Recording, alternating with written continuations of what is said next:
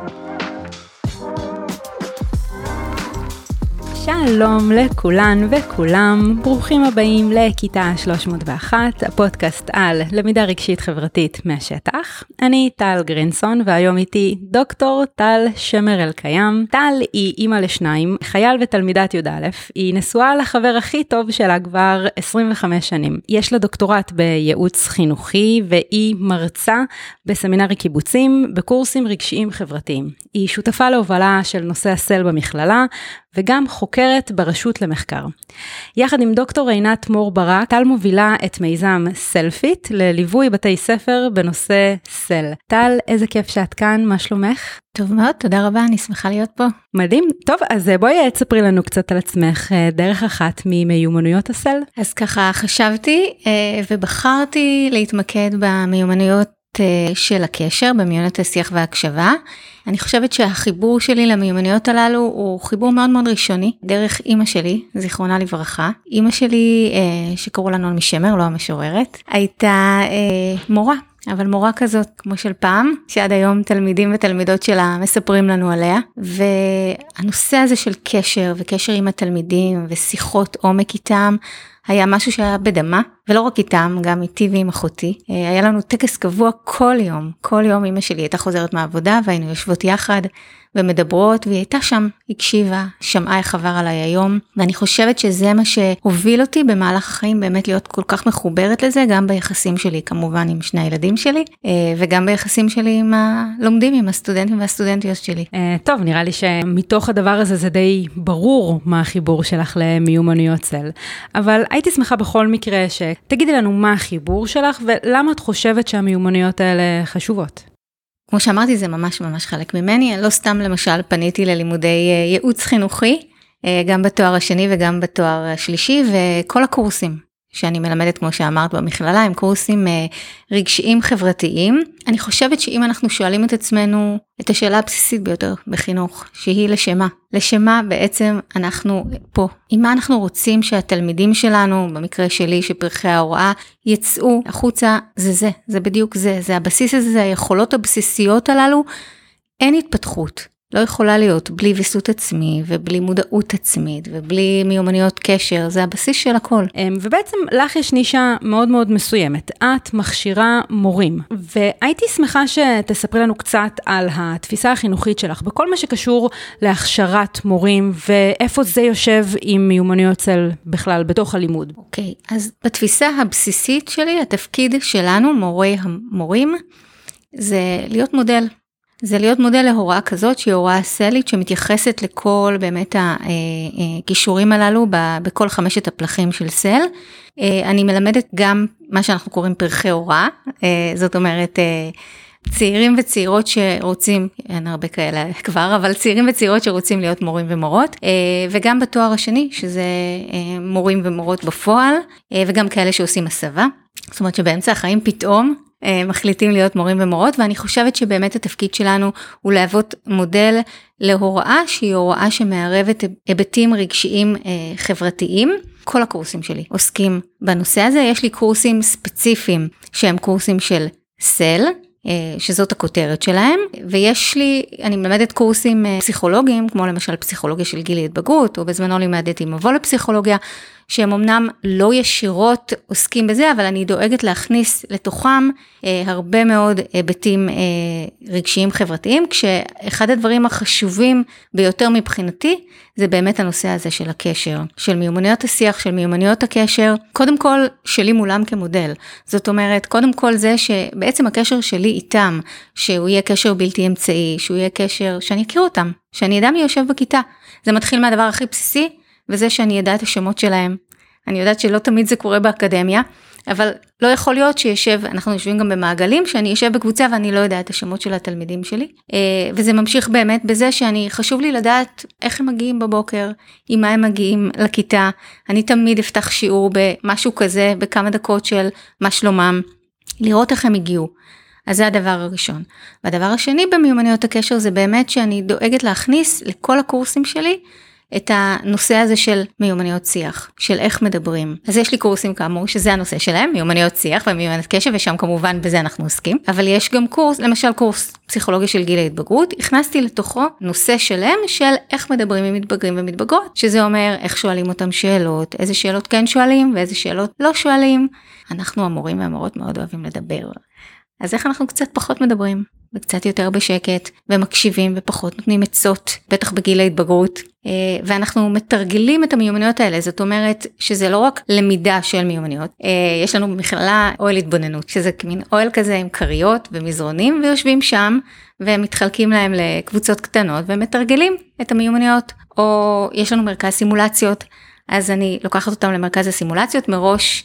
אה, אנחנו, אני עובדת עם מנהלת המרכז איזשהו תסריט של שיח עם מתבגר והם מתרגלים שם עם שחקן או שחקנית שיח עם מתבגר או מתבגרת. ככה שהנושא הזה הוא מאוד מאוד חשוב לי וחוץ מזה בהוראה שלי חשוב לי שהם יהיו מחוברים למודעות העצמית שלהם, לזהות שלהם, למי הם, ממה הם באים. גם זה על ידי כל מיני תרגילים ב, אה, שאנחנו עושים, לוויסות עצמי, באמת לדרך שהם מקבלים החלטות, לכל הדברים הללו זה מאוד מאוד חשוב והרבה מאוד עבודה שיתופית, אה, שזה משהו שחשוב לי. זה, זה די מדהים, כי, כי modeling זה משהו שחוזר על עצמו בתוך, אה, באמת גם במחקרים וגם בתוך שיח שאני מנהלת עם מורים, הסיפור הזה שתראו איך אני עושה את זה בצורה אותנטית ותעשו גם. ואני חושבת שהסיפור הזה של להתנסות בהקשבה, הוא מאוד מאוד חשוב, כי באמת כמורים, ובאופן כללי, כשאכפת לנו מאנשים אחרים אה, סביבנו, אנחנו רוצים אה, לעזור להם, רוצים שיהיה להם טוב יותר, אנחנו רוצים לתקן את מה שכואב להם, ולפעמים אנחנו לא צריכים לתקן, צריכים פשוט להקשיב. זה מזכיר, יש לי אה, אה, בן, בן חצי שנה, וקניתי לו בדיוק ספר שנקרא הארנב הקשיב. את מכירה את הספר הזה? אני כבר לא עם הגילאים האלה. ספר מדהים שמדבר בדיוק על זה, אני אתן לכם ככה את הספוילר.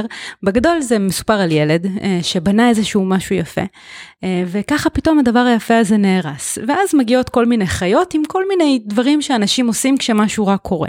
אז יש את התרנגולת אה, שאומרת לו בוא נסדר את הכל, בוא נבכה, בוא נעשה. יש את הפיל שאומר אם אנחנו רק נזכור איך בנינו את זה אז נוכל לבנות בחזרה. יש את הנחש שבא ואומר בוא נהרוס למישהו אחר, וילד לא רוצה שום דבר מהדברים האלה. האלה.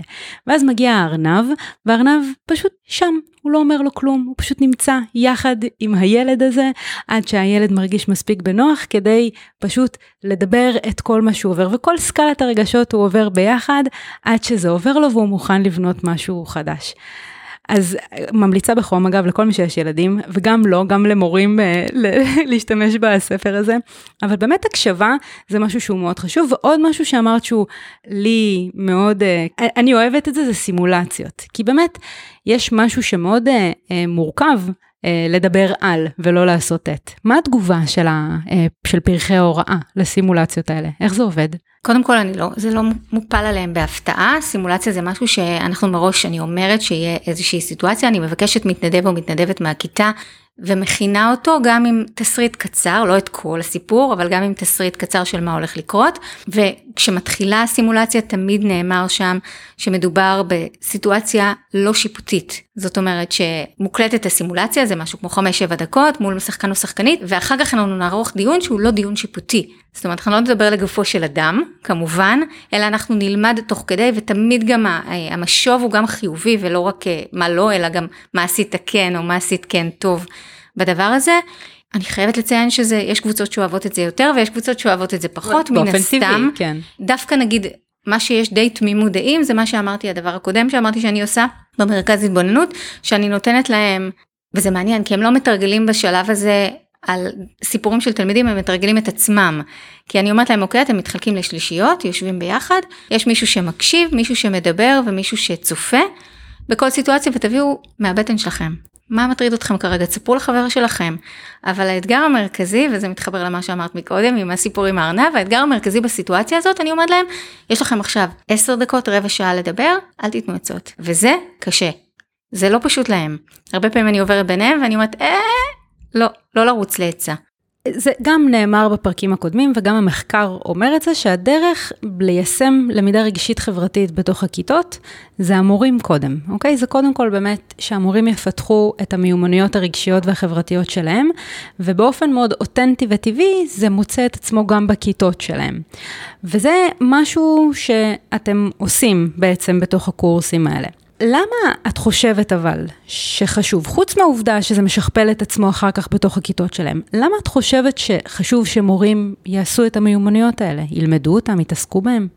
קודם כל, בשביל עצמם. זאת אומרת, אני חושבת, אה, אנחנו תמיד נותנים את הדוגמה הזאת בסל של, אה, של המסכה במטוס. זאת אומרת שקודם כל ההורה צריך לשים את המסכה על עצמו לפני שהוא מטפל בילד, כי אחרת הוא לא יוכל לטפל בילד, זה אותו דבר בדיוק. מורים צריכים קודם כל לשים את המסכה הזאת על עצמם, וזה גם כשהם נהיים מורים בפועל בבתי הספר, וגם במהלך תהליך ההכשרה. יש לי במכללה קורס שהוא קורס של בדיוק זה, שהוא סל אה, לסטודנטים עצמם, ושם אנחנו באמת חווים כל מיני דברים של, של מיינדפולנס ושל אה, היכרות יותר עם עצמי ועם מי אני, אה, עם העמדות שלי, עם, ה, עם מה שאני מגיעה לאורה, עם, עם הזהות העצמית שלי, אה, ואני חושבת שקודם כל זה חשוב כי אתה לא יכול ליצור קשר אמיתי עם תלמיד או תלמידה אם אתה לא יודע מי אתה. אה, זה הבסיס. אתה צריך קודם כל להכיר את עצמך לפני שאתה מנסה להכיר אנשים אחרים אז זה הדבר הראשון אחר כך באמת זה כדי להיות מודל כזה ובשלב השלישי כדי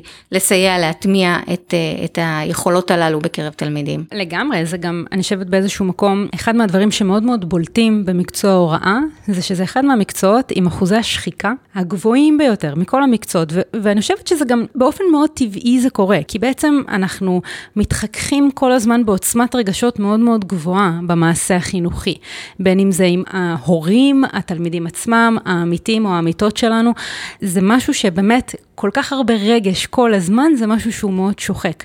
והשימוש הזה במיומנויות צל זה משהו שיכול לעזור לשחיקה הזאת, כי יש לי את היכולת לווסת את הרגשות האלה, יש לי את היכולת לזהות את הרגשות האלה, להבין מה מנהל אותי, להבין מה קורה בתוכי כרגע. אני רק רוצה להגיד שזה בדיוק, בגלל שזה באמת באמת חשוב, אז הזכרת בהתחלה את, ה, את זה שאני במיזם גם עכשיו, עם דוקטור עינת מור ברק, במיזם שנקרא סלפיט, שזה בדיוק מה שאנחנו אה, הולכות לעשות בבתי הספר. זאת אומרת, העבודה היא לא עם התלמידים. העבודה עם המורים עצמם, על המיומנויות צל שלהם, ולתת להם את הכלים, אבל זה נמצא אצלהם. זאת אומרת, לעזור להם למצוא את החוזקות ואת הכלים שנמצאים אצלהם.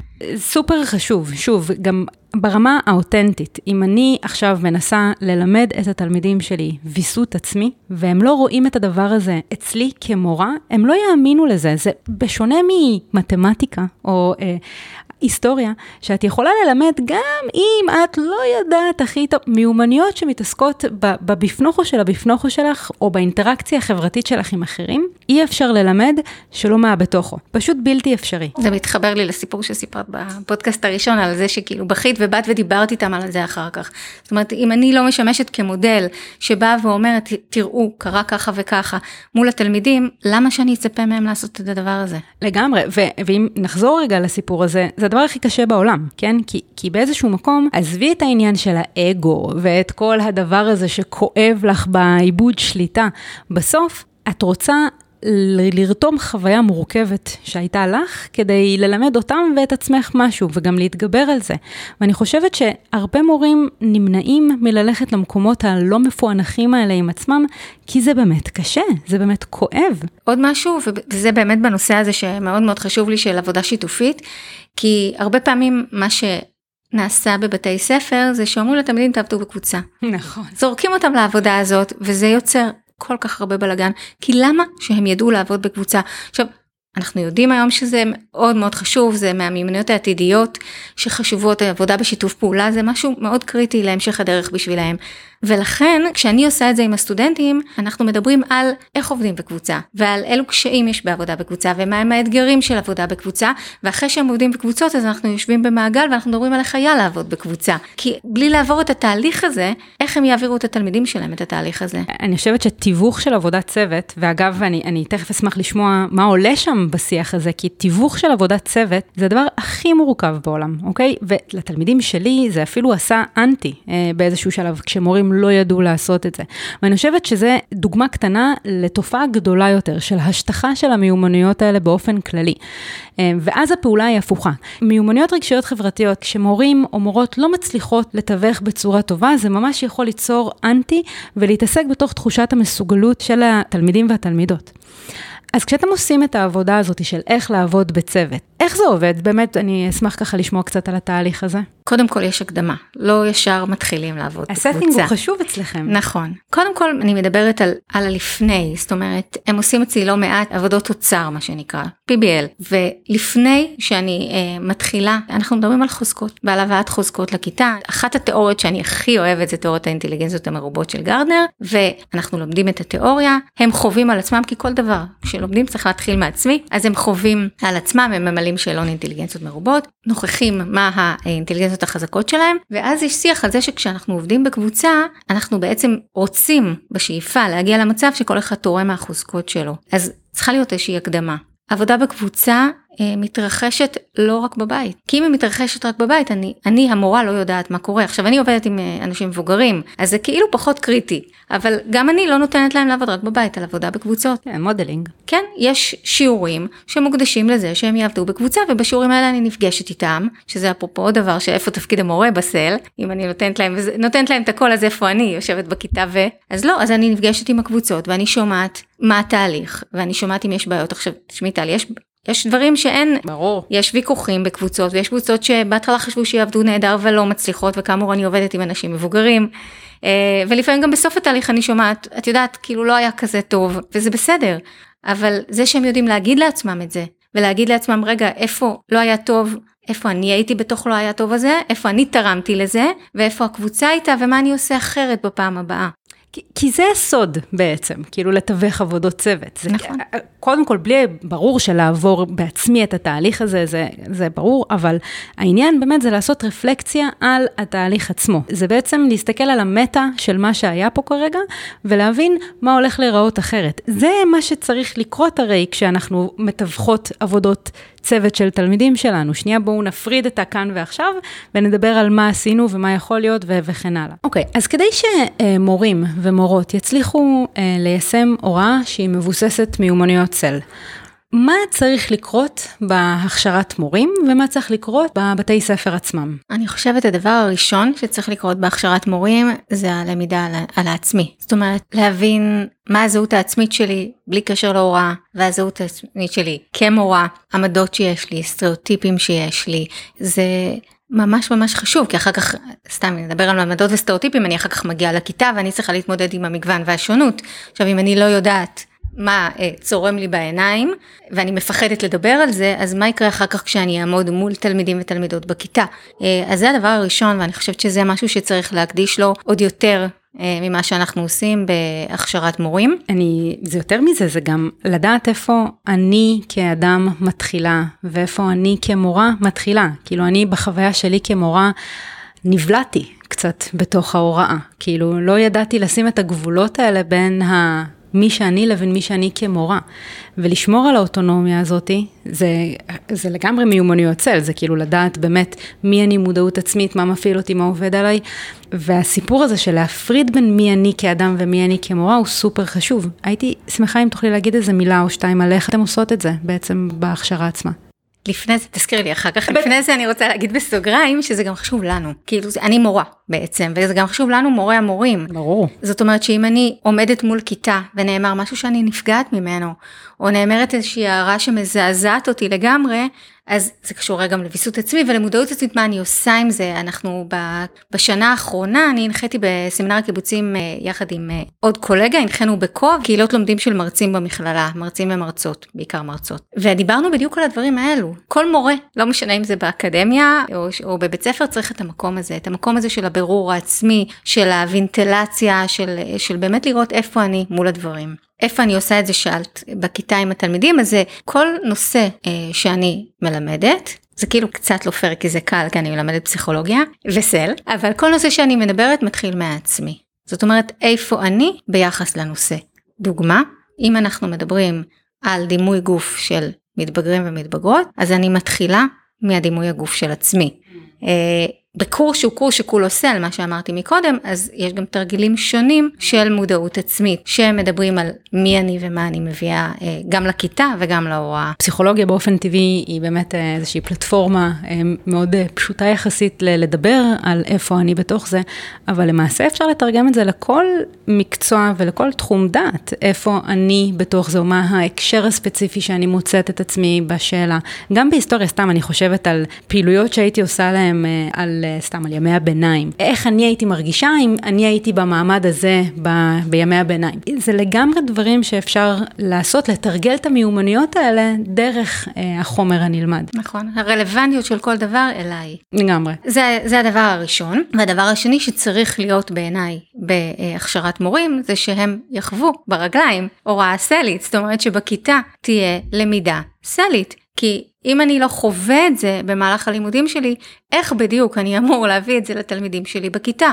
שזה אומר שבשאיפה הם יחוו בכיתה את הנושאים, מה שדיברנו, של מודעות עצמית. הם יחוו למידה רלוונטית, הם יחוו למידה שיתופית, הם יחוו למידה בסביבות למידה שונות, לא לכולם מתאים ללמוד בכיתה, ולכן צריך לצאת מהכיתה גם כשלומדים, ולהיות במגוון של מרחבים, והם יחוו את הקשר הזה שהתחלנו ממנו. את הקשר גם שלהם מולי, שאני במקרה הזה המורה במרכאות, ואת הקשר אחד עם השני, תוך כדי למידה, שלמידה היא למידה שהיא גם נוצרת בכיתה, הבניית ידע נוצרת בתוך הכיתה. אם הם יחוו את כל זה, בתקווה הם יביאו את זה גם אחר כך לתלמידים שלהם. אוקיי, okay, אז בעצם גם גיוון של דרכי ההוראה, לעשות כל מיני דברים שמתאימים ללומדים שונים, אבל גם שוב אנחנו חוזרות לעניין הזה של המודלינג.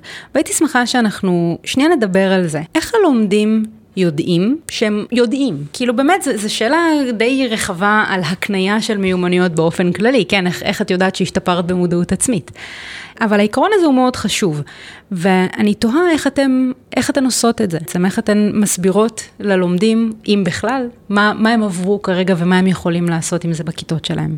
לא הכל, זאת אומרת לא על הכל מסבירים, חלק באמת כמו שאמרתי חווים, כי גם הלומדות שלנו הן מבוגרות, חלק מהדברים מתרגלים, ודרך זה שמתרגלים כמו שסיפרתי מקודם עם מיומנויות השיח, אז גם לומדים. וחלק מהדברים כן נאמר מפורשות בכיתה, זאת אומרת נאמר גם כזו דוגמה של משהו שאתם יכולים לעשות, או אם אני יכולה לעשות איתה משהו למשל ואז להגיד אוקיי, בואו נחשוב יחד איך אתם עושים את זה בכיתה עם תלמידים. תנו לי דוגמאות, חלק מהסטודנטים שאני מלמדת הם מורים בפועל כבר, אז תנו לי דוגמאות איך, איך אתם עושים דברים כאלה בכיתה.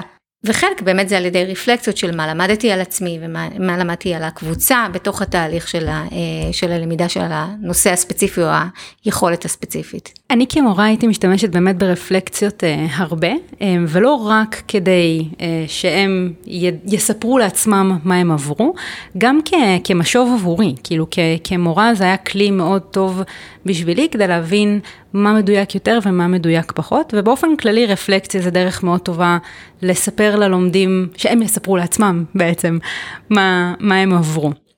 לפי התגובות שאתם מקבלות מהקורסים האלה, הם מצליחים להפנים? הם מצליחים להבין איך ליישם סל בכיתות שלהם?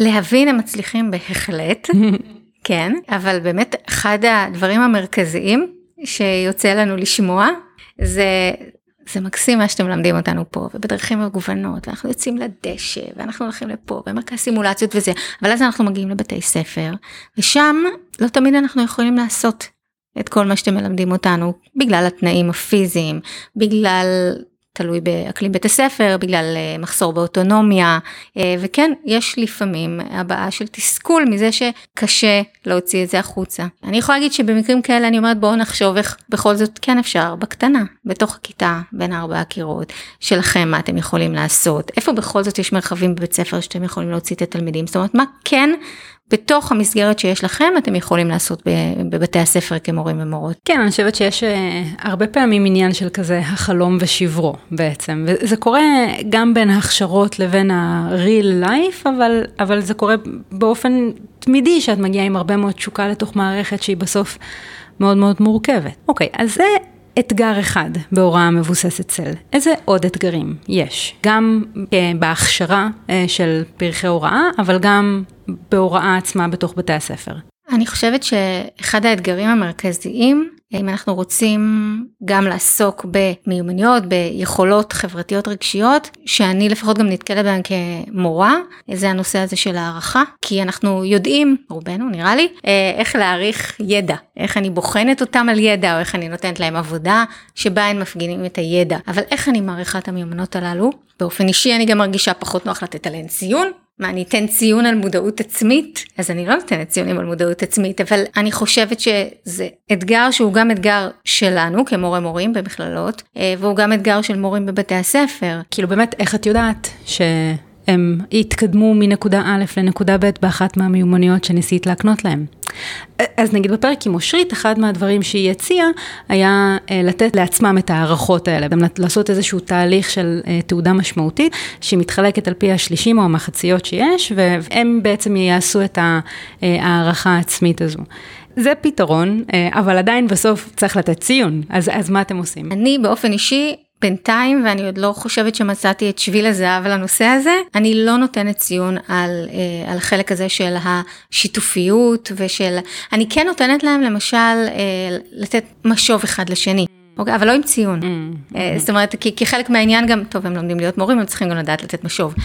אבל, אה, אבל אני לא נותנת ציון על החלק הזה של השיתוף פעולה, חוץ מ, אני אגיד, בקורס נגיד שכולו עוסק במיומנויות הקשבה, מן הסתם הם מקבלים גם ציון, יש איזושהי עבודה שבה הם צריכים לתרגל מיומנויות הקשבה ומקבלים על זה ציון. אבל באופן כללי, אני את החלק הזה משאירה לרפלקציות, לשיחות בינינו, למעגלי הקשבה שונים, אה, אבל אני לא נותנת עליהם ציון. כן, נגיד אחד מהדברים ש... שעשו לי באחד מהקורסים שאני עשיתי באוניברסיטה, זה לתת ציון על העובדה שעשיתי, לא בהכרח על מה שכתוב בתוכו, אז לצורך העניין 10 נקודות היו רפלקציה, אז אם עשיתי את הרפלקציה, לא מה שכתבתי בתוכה, אז קיבלתי את הציון. אבל אני מסכימה שזה באמת משהו שהוא מאוד מורכב. כי את אומרת, צריך... uh, להפוך את זה למשהו שהוא מדיד, ובטבע שלהן המיומנויות האלה הן לא מדידות, כאילו זה לא משהו שאפשר עכשיו להמיר. כן. הלוואי שלא הייתי צריכה לתת ציונים והייתי יכולה להגיד, לתת רק משוב נגיד. אז הייתי נותנת משוב מאוד, אני גם היום נותנת משוב מאוד אה, אה מפורט, אבל בלי המספר. כן. אוקיי, אז הערכה זה אתגר אחד. איזה עוד אתגרים? אתגר נוסף, שאני חושבת שגם קצת נגענו בו מקודם, זה הנושא הזה של אה, אה, אם אני רוצה להיות מודל, זה על איך אני מביאה את עצמי לכיתה ועד כמה אני מביאה את עצמי לכיתה, ומה אני כן חושפת ומה אני לא חושפת. בכל זאת, יש איזשהו יחסי מורה-תלמיד, ועד כמה אני משתפת אותם בהחלטות. עד כמה אני משתפת אותם בהתלבטויות. אני אתן לך דוגמה. אני בסיום כל קורס, הם ממלאים אצלנו משובים כמובן בסיום הקורס, אבל אני גם עושה שיחה, שאני מבקשת תנו לי משוב, אני אומרת להם אל תלטפו אותי רק, כאילו אני נורא נהנית מלטופים, אבל אל תלטפו אותי רק, תגידו לי גם באמת, אני רוצה להשתפר. והשנה למשל לימדתי פעם ראשונה את אחד הקורסים שלי, ואמרתי להם במשוב, תשמעו, זה פעם, וגם אמרתי להם את זה דרך אגב במהלך הסמסטר, זה פעם ראשונה שלימדתי את הקורס, אני בטוחה שעשיתי טעויות. ואני דווקא חושבת, נגיד שפה ופה יכולנו לעשות ככה וככה וככה. אני אשמח גם לשמוע מכם. זאת אומרת, ההתלבטות הזאת של כמה להביא את עצמי עם הטעויות שלי, עם זה שאני לא מושלמת. אה, ולא תמיד כל שיעור יהיה, אה, אנחנו נצא כולנו אה, ויהיה מושלם, וכמה אם אני נפגעת ממשהו אני אומרת, לא תמיד, וגם אני לא חושבת שתמיד זה נכון, כמורה לבוא ולהגיד נעלבתי, אני צריכה לעשות עבודה על עצמי קודם, אבל אני חושבת שזה חתיכת אתגר, כי אם אני רוצה שהם יפתחו מודעות עצמית, והם יהיו עם, עם יכולות ויסות, אני צריכה להדגים את היכולות הללו. זה, זה מאוד מאוד מאוד קשה, האיזון הזה, וגם לא, אין גם מתכון, כן? כל כיתה דורשת משהו אחר, וכל ילד דורש אה, איזון שונה, אבל בסוף יש שתי מטרות, לדעתי, בתוך השיתוף הזה. הדבר הראשון זה באמת המודלינג, והדבר השני, ברמה הכי אינטרסנטית, זה רותם אותם, כאילו זה מעורר מוטיבציה פנימית אמיתית. כשדעתך נחשבת. כשאת משתפת אותם בלבטים, הם הופכים להיות חלק מהתהליך והם מחויבים הרבה יותר לתוך כל מה שקורה בתוך הכיתה. וזה דבר מאוד מאוד מאוד קשה כמורה לעשות, לי לקח הרבה זמן.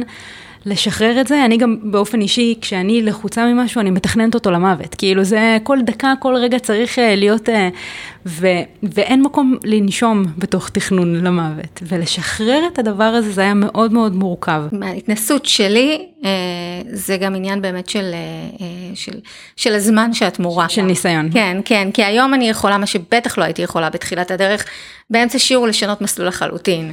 כי, כי פשוט נראה לי פחות מתאים מה שאנחנו עושים כרגע, ופתאום עולה לי בראש שזה תרגיל יותר נכון לעשות. זה משהו שבשנים הראשונות בחיים לא הייתי עושה. לגמרי, אבל גם זה עניין של קשיבות, כאילו בעצם את סומכת על עצמך שאת יודעת לעשות את מה שאת עושה בצורה טובה, מספיק כדי לשחרר את זה, כדי לדעת ש... גם אם זה לא יהיה בדיוק כמו שחשבת שזה יהיה, הכל בסדר. כאילו בסוף ליבך שם ואת עושה את מה שאת יכולה לעשות בצורה הכי טובה, ואם לא, אז אוקיי, נלמד ביחד מהדבר הזה. אבל אני מסכימה איתך שזה קשור לניסיון. אוקיי, אם עכשיו היית יכולה לתכנן את מערכת החינוך מההתחלה, מה ה-best case scenario שאת מדמיינת למערכת החינוך? לא עכשיו בהכרח, 5-10 שנים, מה הדבר הכי טוב שיכול לקרות? אז קודם כל שלא, שלא נצטרך בכלל להגיד את המילה הזאת צל, כי זה יהיה חלק מהעניין פשוט, ולא צריך יהיה לדבר על זה. אבל אם אני חוזרת להתחלה, באמת זה העניין הזה של הקשר. זאת אומרת שבית הספר יהיה מקום, מרחב, שבו בעיקר שמים דגש על הדבר הזה, אה, בעיקר שמים דגש על פרסונליות אה, בלמידה, אה, שהתלמיד והתלמידה מביאים את, ה, את היכולות שלהם מצד אחד ומצד שני, לא פוחדים גם לטעות, ו, ושזה העיקר בבית הספר, כי אנחנו הולכים יותר ויותר למקום שבו לא צריך ללמד עוד חומר. ועוד, זה לא שלא צריך ידע, אבל הידע נמצא אצלם בכף היד, וחלק ניכר מהלמידה הם יכולים לעשות באופן עצמאי, ולכן, אם אני חוזרת לשאלה של לשמה, שלשם מה בית ספר, אז בית ספר זה בשביל זה, בשביל להיות את המרחב של ההתנסות בכל היכולות הללו. אה, מזדהה מאוד מסכימה, הלוואי, מהפה שלך כמו שאומרים, ואולי אם יהיו עוד הכשרות מורים אה, שעושות את הדבר שאתם עושים, אה, אולי באמת זה יהיה ככה. מה המסר שלך למורים ולמורות שמאזינים לנו כעת, בכל הכובעים שלך? תקשיבו. תקשיבו, תקשיבו לתלמידים ולתלמידות שלכם, תקשיבו לעצמכם, קודם כל. תקשיבו קודם לעצמכם ואחר כך תקשיבו לתלמידים ולתלמידות שלכם אה, ולהכיר באמת את הבן אדם שנמצא מולנו, בזה זה מסתכם בעיניי, זה הבסיס. מדהים. טל, תודה רבה, זה היה ממש אה, מרתק. כיף לדעת שהכשרות מורים תופסות את מיומנויות הסל כמשהו שראוי ללמד, אה, בלי שום קשר לזה שלשם העולם הולך. אני לא יכולה לדמיין מצב אה, שהייתי לומדת להיות מורה בלי להתייחס למיומנויות האלה. זה מה שמניע אותי כאדם, וזה בטח מה שהניע אותי גם כמורה. אז אה, תודה רבה לך. תודה רבה. אה, ותודה רבה לכן ולכן שהאזנתם. מוזמנים להאזין לפרקים הבאים, ויאללה ביי.